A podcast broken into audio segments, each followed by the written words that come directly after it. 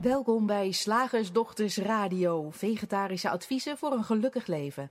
Linda Spaanbroek en Angela Mastwijk geven je een kijkje achter de toonbank van de menselijke ervaring. Hoe werkt het daar nu echt?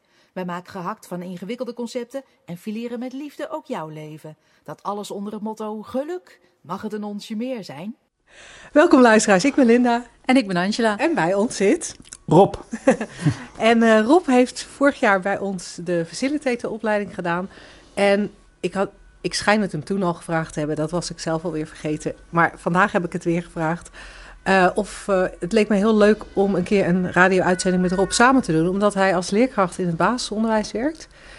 En het onderwijs voor mij, en dat komt ook door mijn eigen achtergrond, voor mij, ik zie, ik zie in het onderwijs altijd een soort twee dingen die spelen. Aan de ene kant de hoge werkdruk en de stress bij leerkrachten. En aan de andere kant kinderen met steeds meer labels, uh, uh, hele zorgsystemen daaromheen en leerkrachten die vrij veel moeite hebben om daarmee te dealen. En het leek mij super cool om, om, om daar eens met z'n drieën zo over te hebben. Uh, want ja, voor Rob is daar van alles in veranderd. Door zijn steeds worden, dieper wordende inzicht. Ja, ja. Want jij bent jij ben ooit, jij hebt ooit eerst een driedaagse bij ons gedaan en later pas de opleiding. Ja, een aantal één keer dagen, of zeg ik dat, eendaagse? Ja, shiftdagen. shiftdagen, driedaagse en toen uh, vorig jaar de, de opleiding. Hey, en en um, wat is, kan je iets aangeven van wat er veranderd is voor je? Nou, ik weet wel dat in een van de eerste shiftdagen. Um, uh, nou ja, werd ik meegezogen in het, uh, uh, ik noemde het nog toen het 3P-moeras. Je, je wordt er eenmaal, kom je daarmee in aanraking en dan laat het je niet meer los. en ik weet wel dat er toen een van, een van jullie twee een opmerking plaatste. wat mij toen heel erg geholpen heeft, is dat het niet iets aan de buitenkant is wat jou beïnvloedt, maar je gedachten daarover. En toen ben ik eens nagedenken over die stapel papier die altijd op mijn bureau lag. Want dat was voor mij altijd de reden waarom ik zelfs een keer een burn-out gehad heb. Uh, door die stapel papier die daar lag. Al die toetsen die nagekeken moesten worden. Al die toetsen die uh, ingevoerd moesten worden. Al die dossiers uh, die afgehandeld moesten worden. En iets maar omdat ik me toen realiseerde... het is dus niet die stapel papier die dat doet. Maar het is het denken over die stapel papier. En dat eigenlijk toen vanaf die dag was van... oh, hier moet ik dus meer over weten, over 3P. Want het heeft me toen al geholpen. En dat is ook wat ik heel vaak nu op school ook zeg, jongens, het kan niet die stapel papier zijn die uh, uh, ons gek maakt, maar uh, nou, het denken over die stapel papier of het denken over het systeem. Ja, dat is mooi. Hè? Dat één zo'n zo'n zo'n opmerking, dat is, dat is grappig. Want als je dat tegen iemand anders zegt, ah joh, het is niet het papier, het is, het is maar, maar zeggen we dan vaak. Je denken, dat komt meestal totaal niet aan. Hè? Nee, nee. Maar, maar zittend op zo'n shiftdag, blijkbaar dan wordt het gehoord of niet gehoord. Ja, en ja. jij hoorde daar iets in wat ontzettend uh, ja, behulpzaam bleek. En je bent ook nieuwsgierig gebleven daarna, hè?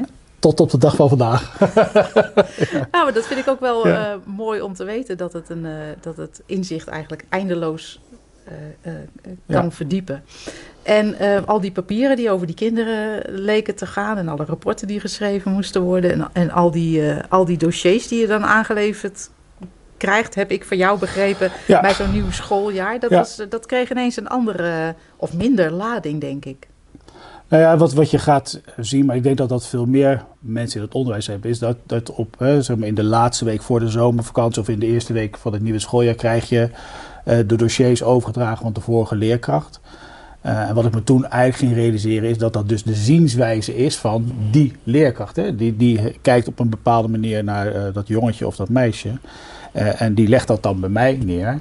Uh, en ik realiseer me nu dat ik dan die zienswijze ook over ga nemen. Want op het moment dat jij uh, hoort dat een jongen of een meisje door die andere collega als vervelend benoemd wordt, is, ergens neem jij dat mee. Dus ja, ik heb altijd liever nu van zeg maar maar even niets over deze leerling en over twee weken heb ik wel een gesprekje. En de, de, meest noodzakelijke dingen, weet je, over medisch gebied, uh, wat, ik, wat ik moet weten, uh, dat, dat is dan prima. Maar hoe de andere leerkracht over deze, dit jongetje of meisje denkt, ik hoef nog niet te weten. Ah, dat, maar dat, alleen dat al, hè? Het ja. lijkt zo'n simpel inzicht. Maar dat kan een aardverschuiving zijn, volgens mij. Niet alleen binnen onderwijs, maar vandaag hebben we het over kinderen, dus dan houden we het een beetje op dat, uh, op dat vlak. En terwijl je aan het praten was, dacht ik, kan er een liedje in op? Zeg maar niets meer. Nee. nee, maar ik weet dat, dat ik, had een keer een gesprek met een onderwijsinspecteur. Die, die vond dat dus niet goed. Die zegt, nee, je moet hè, uh, uh, het dossier volledig overgedragen krijgen van de vorige leerkracht. Uh, zodat jij op de eerste dag van het nieuwe schooljaar direct met deze leerling aan de slag kan dan. nou ja, tot op de dag van vandaag doe ik dat niet. Ja, want waar ga je dan eigenlijk mee aan de slag, hè? Nou ja, met de, de, de zienswijze van de volgende, vorige leerkracht. Want dat, dat zit gewoon ingepakt. Je, je hoort dat een jongetje of een meisje vervelend is, of uh, ADHD-gedrag heeft, of maakt niet uit. En jij gaat er gewoon mee verder. Dat, dat gaat vanzelf. Ja, ja je, herkent, je herkent. Of je focust misschien per ongeluk ook vooral op het ADHD-gedrag, ja. als dat is wat, wat er meegegeven is. Ja. Ik vraag me af, hè, want jij geeft het nu als voorbeeld in het onderwijs. Maar ik kan me heel goed voorstellen dat dat als ouders hetzelfde werkt. Als ik eenmaal heb vastgesteld dat mijn kind wel erg druk is, of dat mijn kind wel erg vaak een boze bui heeft, in hoeverre kan, in hoeverre kan ik hem dan nog uh, met frisse ogen bekijken? Moeilijk. Ja, ik denk dat dat is wat er voortdurend gebeurt. Ik heb dat bij mezelf ook wel gezien. Ik had, dacht ik, ik heb twee zonen en ik dacht, nou, de ene is zus en de ander is zo. Maar dan kan je daar dus ook niet meer voorbij kijken. En dat is een simpel psychologisch gegeven, hè? confirmation bias of hoe je dat ook wil uh, noemen. Daar heb jij vast betere termen voor, Linda. Maar dan zie, dan zie je alleen maar bevestigd van wat je eenmaal vastgesteld hebt. Je kan daar niet voorbij kijken en je mist ook andere signalen.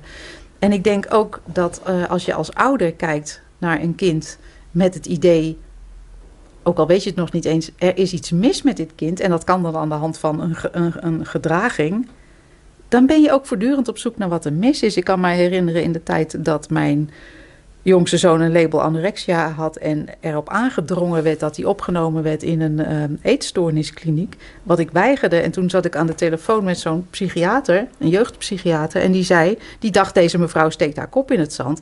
En die wilde mij elke keer er maar van overtuigen, ja maar uw kind is ernstig ziek. Ik zei, wat denk je dat het voor een kind doet als hij continu bekeken wordt alsof hij ernstig ziek is? Daar had ze niet zo'n heel goed antwoord op.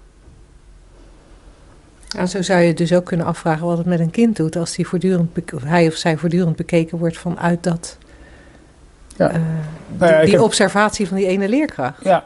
Want zoals jij het vertelt, dan, dan kan het zo. Dan kan ik me voorstellen, en correct me if I'm wrong, dat, de, dat een leerkracht in groep 3 uh, moeite heeft met een bepaald kind. Dat opschrijft in het dossier als zijnde de waarheid, want het is zijn of haar ja. zienswijze. Dat gaat mee naar groep 4. Daar wordt het gelezen voor dag 1 door de nieuwe leerkracht. Die kan niet anders dan met dat, of die, die kan niet anders, maar die zal al snel beïnvloed zijn door dat filter en het herkennen. En voor je het weet zit zo'n kind in groep 8. Jij staat voor 7? 7, ja. ja. Uh, ik heb wel een voorbeeldje. We hadden ooit een jongetje op school. Uh, ik noem hem even Mario. En uh, die had een bepaald vervelend gedrag. En dat, dat was al in groep 3 waargenomen. Um, en als er dus iets nu gebeurde op het schoolplein, dan kreeg Mario altijd de schuld. En zelfs kinderen van, de, van het buitenspelen, die kwamen dan zeggen, meester Mario heeft dat gedaan. Maar op een gegeven moment was Mario er helemaal niet. Mario zat gewoon binnen en was aan het kleuren. Dus dat, dat stempeltje wat zo'n jongetje eh, krijgt, hè, door de leerkracht, maar ook door de leerlingen, daar, kom je, daar kwam die gewoon niet van af. En hoe ga jij daar nu mee om? Ja, goede vraag. Zien dat dat een, een, een labeltje is wat we met z'n allen aan dat jochie uh, gegeven hebben. Uh, ja, en, en, zorgen in gesprekjes dat dat labeltje verdwijnt. Ja, het is een beetje ingewikkeld dat, hoe, je dat dan, hoe je dat dan doet als leerkracht. Uh, ik denk dat de bewustwording is dat we het labeltje druk aan een leerling geven, het labeltje ADHD aan een leerling geven, dat dat al iets doet bij, in ieder geval bij mij. Ja. Ja, en ik kan me ook zo voorstellen, ouder geweest zijn, of tenminste, ik ben het nog steeds, maar ze zijn al heel lang het huis uit. Um, dat zo'n waarneming in het moment ook afhankelijk is van je, van, van je eigen bui. Van je eigen gemoedstoestand. Ik weet, als je bijvoorbeeld moe bent of weet ik veel, dan kan je niks hebben van die kinderen. En stap jij toevallig met je goede benen uit bed, ben je fris en fruitig opkomen dagen Ja, in je absoluut. klas. Dan, dan los je dingen op met een grapje en aan je over de bol. Ja. En als jij toevallig in een langere periode zit waarin je ehm, ehm, nou even niet zo'n frisse blik hebt en, en, en je voortsleept door welke eh, gedachte of gevoel dan ook, eh, kan het zomaar zijn dat je zo'n kind eigenlijk een label meegeeft wat in essentie je eigen vervuilde blik is.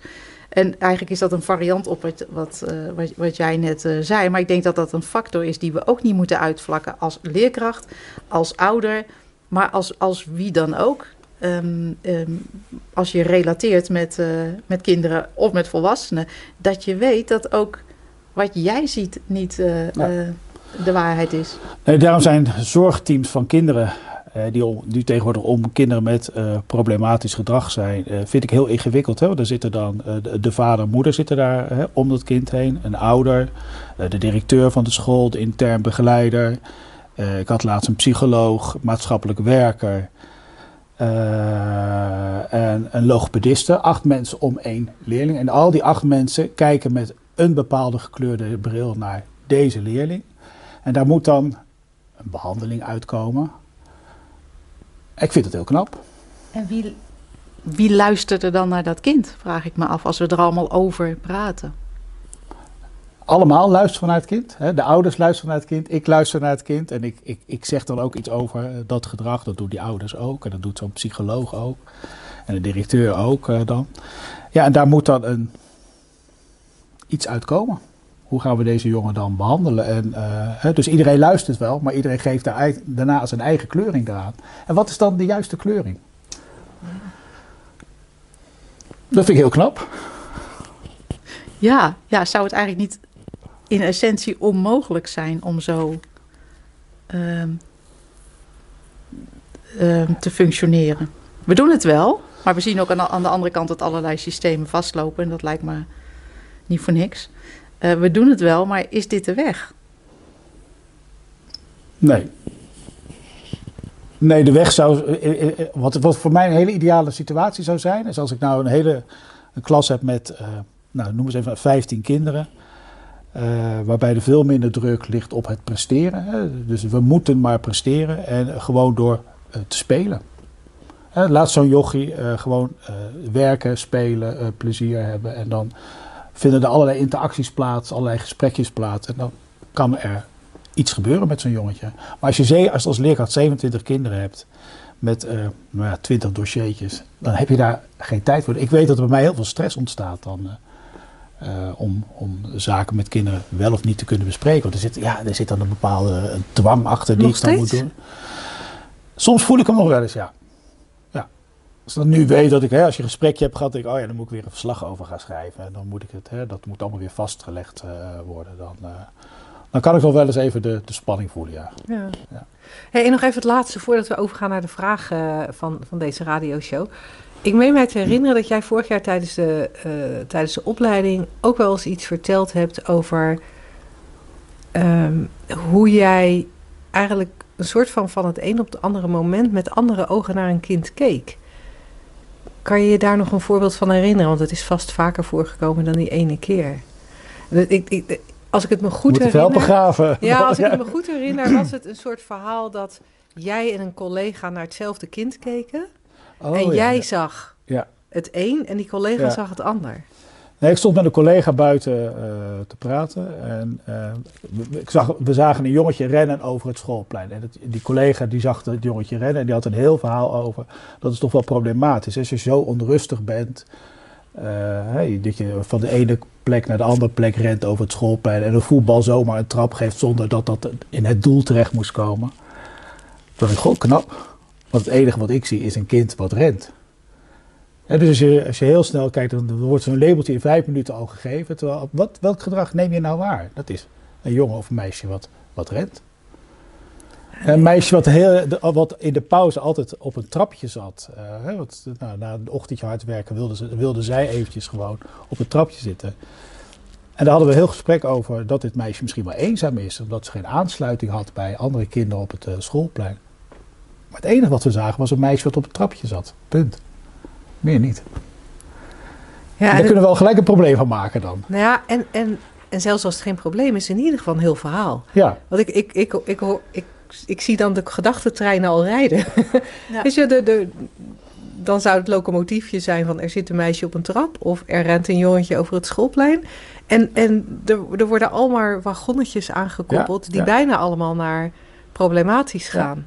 Ook een, eigenlijk ook een interessant gegeven, hè?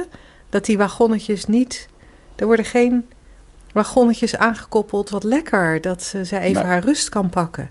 Of uh, wat verstandig van het jongetje, dat hij nu lekker loopt te rennen, want zometeen moet hij weer stilzitten. Wat, wat, wat, fijn dat iemand op die leeftijd al zo meditatief op zo'n trapje kan zitten. Hè? Dat zegt toch wel wat over haar toekomst. Nee, het is altijd gewoon goh, eenzaam. Zou het zo zijn omdat we soort problemen aantrekkelijker vinden dan, dan uh, het, het idee van heelheid? Zou je bijna denken. Zou je bijna denken dat als ik tenminste even afgaan op deze voorbeelden, als ik ook een beetje kijk naar toen ik zelf in het onderwijs werkte. Ik heb dan altijd in het middelbaar onderwijs gewerkt. Maar we zijn wel geneigd. We zoeken heel snel naar problemen, ja. Of we vinden uh, gedrag wat je waarneemt als, zien we als problematisch. Dat, nou ja, het kind uh, rekent nu nog niet. Nou oké, dan is het nu nog niet. En misschien is het volgende week wel of over twee jaar, maar nu nog niet. Hè? Maar volgens de boekjes moet je in maart van een schooljaar dat en dat beheersen. En als dat kind dat niet beheerst, dan hebben we een probleem. Ja, ik blijf dat niet heel apart vinden. Ja. ja. ja en daarmee creëren we dus ook, hè, er, er, liggen allerlei boekwerkjes waarin precies staat op spellingsgebied, op rekengebied, op taalgebied, moet een kind uh, dit in maart beheersen. En doen we dat niet, dan hebben we een probleem. Maar misschien zou het wel twee maanden later kunnen.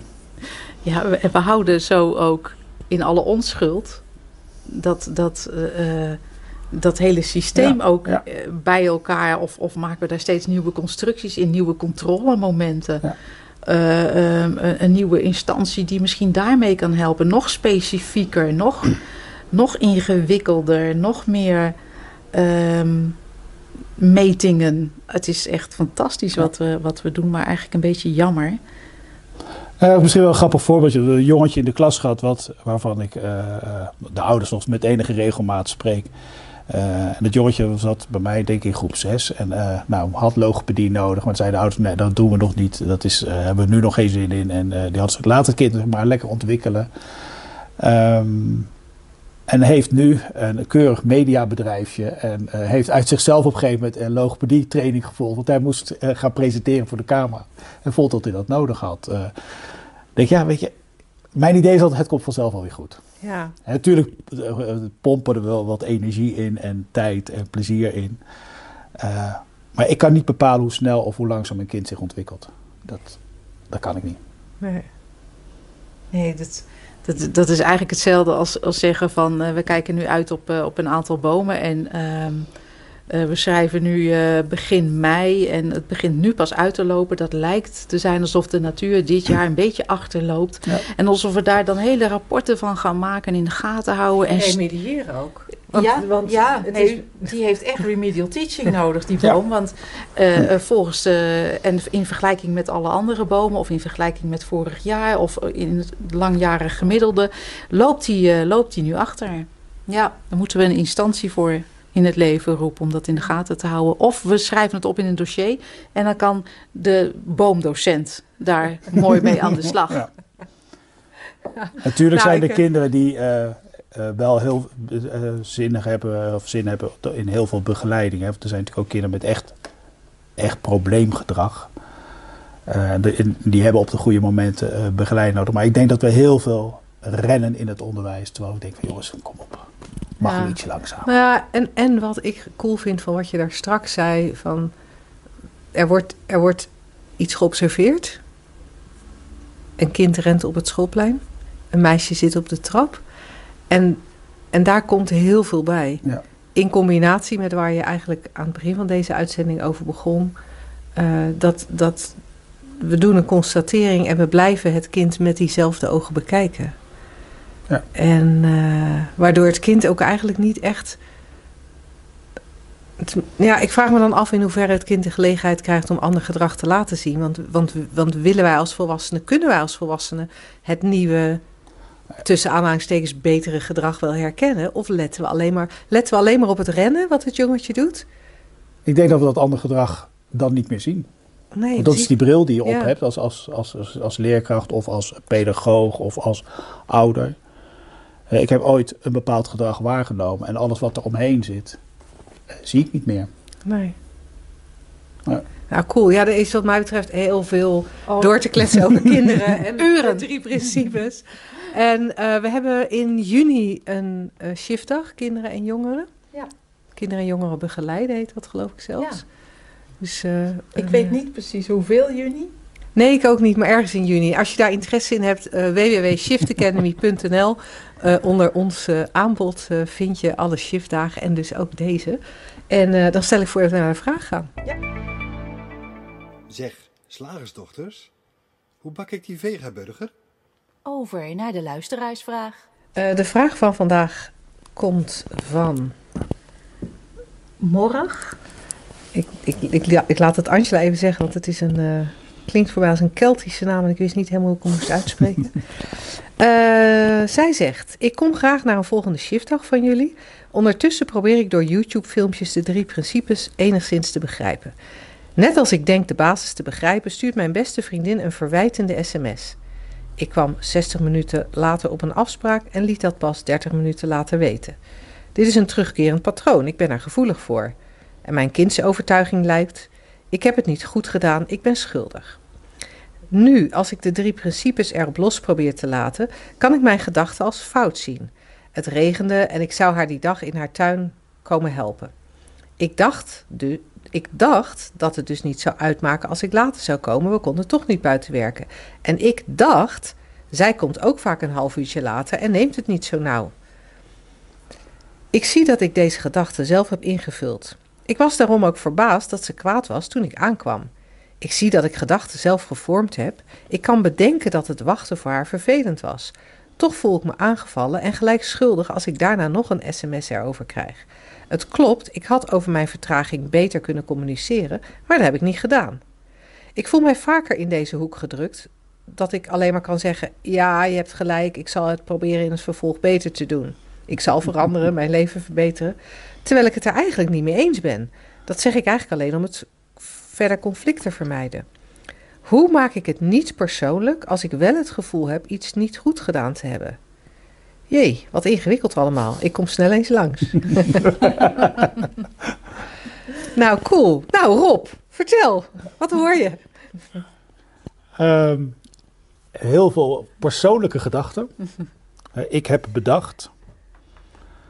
Um, mag, mag ik een voorbeeldje geven? Hoe, hoe, als je een jaar lang uh, facilitator-opleiding gedaan hebt, wat het dan wordt. um, ik, ik, heb, ik heb ooit een, een, zeer pittig gesprek gehad met ouders, omdat ik een, een, een opmerking had geplaatst die de ouder als, uh, nou ja, als heel vervelend had uh, gezien. Als je me dat twee jaar geleden op mijn bordje had gelegd, dan was ik heel boos geworden. Want dan had ik dat echt als een persoonlijke aanval gevoeld. En nu dacht ik alleen maar, wauw, fantastisch. Die ouder neemt een bepaald gedrag van mij waar. En die vindt daar dan iets van. En die meldt dat eventjes bij mij. Dus het was voor mij geen aanval, maar gewoon, ik, ik krijg een, een zienswijze op mijn gedrag. En dat gaan we even overleggen. Daarna hebben we een heel fantastisch gesprek erover gehad. En prima. We zijn uit elkaar gegaan. Simpel, hè, klinkt dat? Ja. Ja. Ja, en wat natuurlijk het interessante is, dat Mora vraagt: hoe kan ik het niet persoonlijk nemen? En jij geeft een voorbeeld van hoe jij het niet persoonlijk nam. Maar ik vraag me af of je kan vertellen hoe, hoe je dat gedaan hebt. Nee, dat zou ik. Nee, nee, nee. nee. Maar, maar dat vind ik ook juist zo'n mooi voorbeeld. Want die drie principes, daar zit niet een, een, uh, een hoe in. Hè? Daar zit niet een, een um, uh, gebruiksaanwijzing aan vast. Niet een Niet, geen tips of stappenplannen of, of technieken. Ehm, want daar gaat het helemaal niet over. Maar je kan dus wel, en daar is Rob dan een leuk voorbeeld van, eh, blijkbaar zo inzicht krijgen. En dat kan voor iedereen er anders uitzien. Hè? Maar in ieder geval in die werking van de menselijke ervaring, dat het in essentie niet persoonlijk is.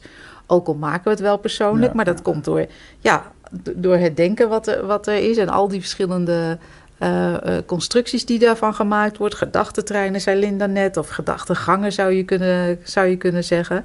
En um, als je ziet hoe dat werkt, dan kan de respons anders worden. Waar je eerst een reactie hebt vanuit, oh, ik word aangevallen, kan er dus blijkbaar ook, ook zo'n respons ontstaan als dat Rob vertelt. Hoe dat gaat, dat kunnen we je eigenlijk niet vertellen, omdat er geen hoe is. Maar gelukkig is er wel geruststelling, Morag, want um, je kan wel voor jezelf gaan ontdekken hoe het werkt en dat je dat idee van oh, dat, dat, jij als persoon veilig gehouden moet worden of niet goed genoeg bent of um, um, dat, dat anderen boven je staan of juist onder je staan, is maar net uh, uh, wat jouw probleem lijkt te zijn. je zou ook bijvoorbeeld kunnen denken van nou, niemand snapt het en alleen ik ben de enige slimme mens in de wereld, dat zou ook nog kunnen. Maar in ieder geval, al die, al die dingen die je gelooft, die zouden zomaar weg kunnen vallen. Of stuk voor stuk, of, of in één grote klap in, in elkaar storten. En dan heb je een ander uitgangspunt. En dat is een fris uitgangspunt. Het is vaak een onpersoonlijk uitgangspunt met begrip voor hoe de menselijke ervaring in elkaar zit. En dan ja, is er een andere respons. Ja, en dan uh, doe ik even advocaat van de duivel spelen ja. of advocaat van morgen spelen. Ja, hier heb ik dus niks aan. Hè. Dit is een mooi verhaal, maar dit, is, dit klinkt alleen maar als reclame om. Uh, voor de slagersdochters. voor de slagersdochters. Je moet naar de slagersdochters komen. En als je dan een hele opleiding doet, ja, dan, dan ga je anders tegen dingen aankijken. Maar waar, wat ik dan wel interessant vind, om toch, om even naar, toch even naar te kijken of te proberen te kijken. Van. De, er is ergens een inzicht geweest. Bij Rob, bij jou, bij mij. Er zijn, er zijn ergens inzichten geweest. En zouden we daar niet iets over kunnen vertellen? Om toch een beetje behulpzamer te zijn dan alleen maar de geweldige effecten van wat wij doen. ja, nou dat is inderdaad super handig. Zo heb ik voor mijzelf op enig moment gerealiseerd dat als er iets wringt of schuurt, en wat Morag eigenlijk ons, ons voorschotelt, is dat wringende en schurende gevoel. Uh, als er zo'n appje leest van, oh, ik heb het niet goed gedaan. En op enig moment realiseerde ik me altijd als, als er zoiets is, hè, van oeh, ik voel me bedreigd, bijna zou je kunnen zeggen, eh, constateerde ik, oh kijk dan, ze gelooft wat. Nou, en wat de inhoud van het geloof was, ja, dat is eigenlijk niet zo interessant, maar dat ik niet veilig was of niet goed genoeg was of ja. ja. Want in feite is dat appje heel neutraal. Ja. Je, je bent 30 minuten te laat, punt. Nou, dat maar daarna begint er bij, hè, bij haar dan een heel traject over hè, allerlei denkstapjes. En die zorgen ervoor dat je uh, ja, even niet lekker in je vel komt zitten. Maar het realiseren dat dat, dat ene berichtje met die punt, dat was voor mij altijd wel, uh, wel een eye-opener. Oké, dit is het berichtje. Je, bent, je komt 30 minuten te laat. Ja, of misschien zelfs is het berichtje zelfs... Ik vind het echt super vervelend dat jij nu weer 30 minuten te laat bent. Ja. Eigenlijk eigenlijk kan je daar de punt zetten. Ja. Het is wel leuk dat je me daaraan helpt herinneren. En, en vaak gebeurt dat niet. Vaak komt er een komma. Ja. ja. Bij jezelf, hè? Van, oh, komma, ze is boos op me. Komma, dat betekent, komma. En dan, en dan gaan we vaak alweer alle kanten op. Eigenlijk een beetje analoog aan wat we daar straks constateerden over die kinderen. Dat, er, dat, we, dat we zoveel erbij bedenken bij een kind dat op een stoepje zit of bij een kind dat op het schoolplein rent. Zo denk, bedenken we ook heel veel bij een boos sms'je. En dan. Of, of bij de woorden: ik ben boos omdat, of ik vind het niet leuk dat. En vervolgens bedenken we, zouden we ook nog kunnen constateren: oh, ik voel me hierdoor aangevallen. Punt. Ja. Maar ook daar komt er van alles achteraan. Over dat je je niet aangevallen zou mogen voelen, want je bent inmiddels volwassen. Dit is altijd zo. Wanneer gaat het nou eens een keertje over? ik, ben, ik, ben, ik heb echt een diepe, diepe overtuiging uh, dat ik niet goed genoeg ben. Zo ben ik geconditioneerd en dat komt door mijn ouders. Trouwens, het zit alle vijf generaties in de vrouwelijke lijn van mijn familie... om te geloven dat je niet goed genoeg bent. En hop, daar gaan we. Ja. Terwijl het was de constatering oh, ik voel me weer aangesproken of ik voel me aangevallen. Ja. Geinig hè, wat we doen als mens. Het is een beetje onhandig, maar iedereen doet het. Ja. Dat is ook wel handig om te herkennen bij degene, bij degene die zo'n appje stuurt. Daar gebeurt dat ook. Ja, ja want daar gaat zo'nzelfde, zo'nzelfde hele gedachtentrein als bij jou morgen. Dus dat is inderdaad cool. Nou, ik hoop dat je hier een klein beetje, dat het een klein beetje licht heeft geschenen op... Uh, uh, nou ja, waar, waar jouw vraag over ging. En uh, superleuk als je een keer naar een shiftdag komt. Uh, we zien je heel graag. En misschien zelfs een driedaagse. Kan ook heel cool zijn. Eind mei hebben we er een. Dus um, op naar het concept. Zeiden zij in één microfoon in koor.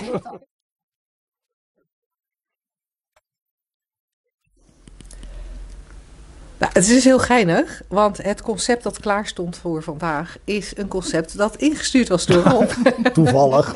nou ja, het is wel toevallig dat jij hier ja, nou zit, ja, ja, dat is pas gisteren ontstaan. Um, want jij had, uh, jij had ergens het concept gelezen, dan moet ik het eigenlijk wel even, uh, even bijpakken, hoe, hoe het precies geformuleerd was. Dat weet Rob misschien zelf. Uh, gapen, ja, gapen is een teken van ongeïnteresseerd zijn. En ik vind het wel een geinige, want ik zit wel eens Netflix te kijken en dan zit ik te gapen. Maar ik vind het hartstikke leuk. Ik zit ook wel eens op een shiftdag het helemaal naar mijn zin te hebben en dan moet ik eigenlijk toch gapen. Ik, vind, ik vind het ook heel grappig, want toevallig kwam dat gisteren ter sprake. um, dat uh, mijn, uh, mijn uh, geliefde, die heeft een aantal jaren in China gewoond. En die heeft daar een soort uh, opleiding gevolgd tot uh, Qigong Master word je dan. En onderdeel van die opleiding, er waren nou ja, die Qigong oefeningen, maar ook heel veel meditaties. En dan waren er mensen, dat deden ze dan in groepen. En dan waren er mensen die bij die meditaties in slaap vielen. En de uitleg van die Qigong meesters was dan, die zijn nog niet toe hieraan. Dus laat ze maar slapen. Zij zijn hier nog niet aan toe. Zij kunnen dit nog niet horen. Als er mensen bij ons slaperig worden in een shiftdag, zeggen wij altijd: Oh, dat maakt niks uit. Slaperig worden is gewoon slaperig worden. Ja, het kan zijn dat je toerental daalt en dat je dan merkt dat je, merkt dat je lijf moe is. Wij hebben er blijkbaar een andere uitleg over. Ja. Dat is wel heel grappig, hè? Zo, zo zie je, kan er gewoon alle kanten op. Ja, en dat was ook het, het, het fascinerende van wat erop toestuurde. Want hij had er een linkje bij gedaan uh, naar, naar een artikel waarin een, een aantal verschillende verklaringen waren voor uh, gapen, maar waar ook een verwijzing was naar het feit dat er een aantal jaren geleden in Parijs een congres is geweest van een aantal dagen dat zich uitsluitend bezighield met gapen. Waar, waar,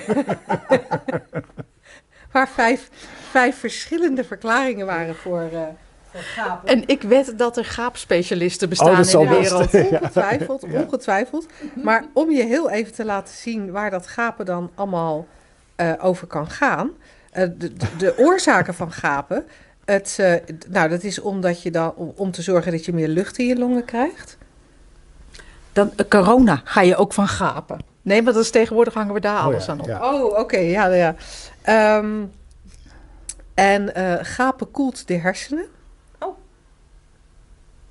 als ze oververhit dreigen te raken. dat is dan in het, in het kader van het werk wat wij doen wel grappig, omdat wij, wij zien natuurlijk dat, men, dat, dat veel mensen echt een, een hoofd hebben dat zo'n hoog toerental lijkt te draaien. En uh, uh, dat is dan wel weer leuk in lijn met als mensen hier op een shiftdag gapen. Ja, dat, dat, dat, dat oververhitte hoofd moet een beetje afkoelen. Um, nou, dan zijn er ook nog theorieën over dat de frequentie van gapen verandert met de seizoenen. En dat we sneller gapen wanneer oh. de buitentemperatuur hoger is dan onze lichaamstemperatuur. Oké.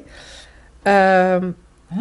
gapen zou ook gerelateerd kunnen zijn aan het cortisolniveau in ons bloed. Dus dan heb je hè, cortisol, dan heb je het ook weer over stress. Dan lijkt gapen eigenlijk meer een ontlading van stress dan, een, dan, dan ongeïnteresseerdheid. Dan lijkt het bijna alsof je zo extreem geïnteresseerd bent dat je daar hele gedachtentreinen bij verzint. Ja. Weer die gedachtentreinen. Eh, maar de vijfde. ehm, gapen is een uitnodiging tot seks. oh jee. Nou, dat is lekker dan als we een shiftdag hebben. Ja, ja. Dat, het, eh, dat gapen een lichaamstaal voor erotische belangstelling zou zijn. Oplopend van sensuele sympathie tot pure geilheid. Waar gaan we naartoe? Maar het is wel, het is wel, het is wel grappig. Ja, waar gaan we naartoe met deze radio-uitzending? Ehm, maar het is natuurlijk wel interessant. Tenminste, ik vind dat in- interessant om te zien.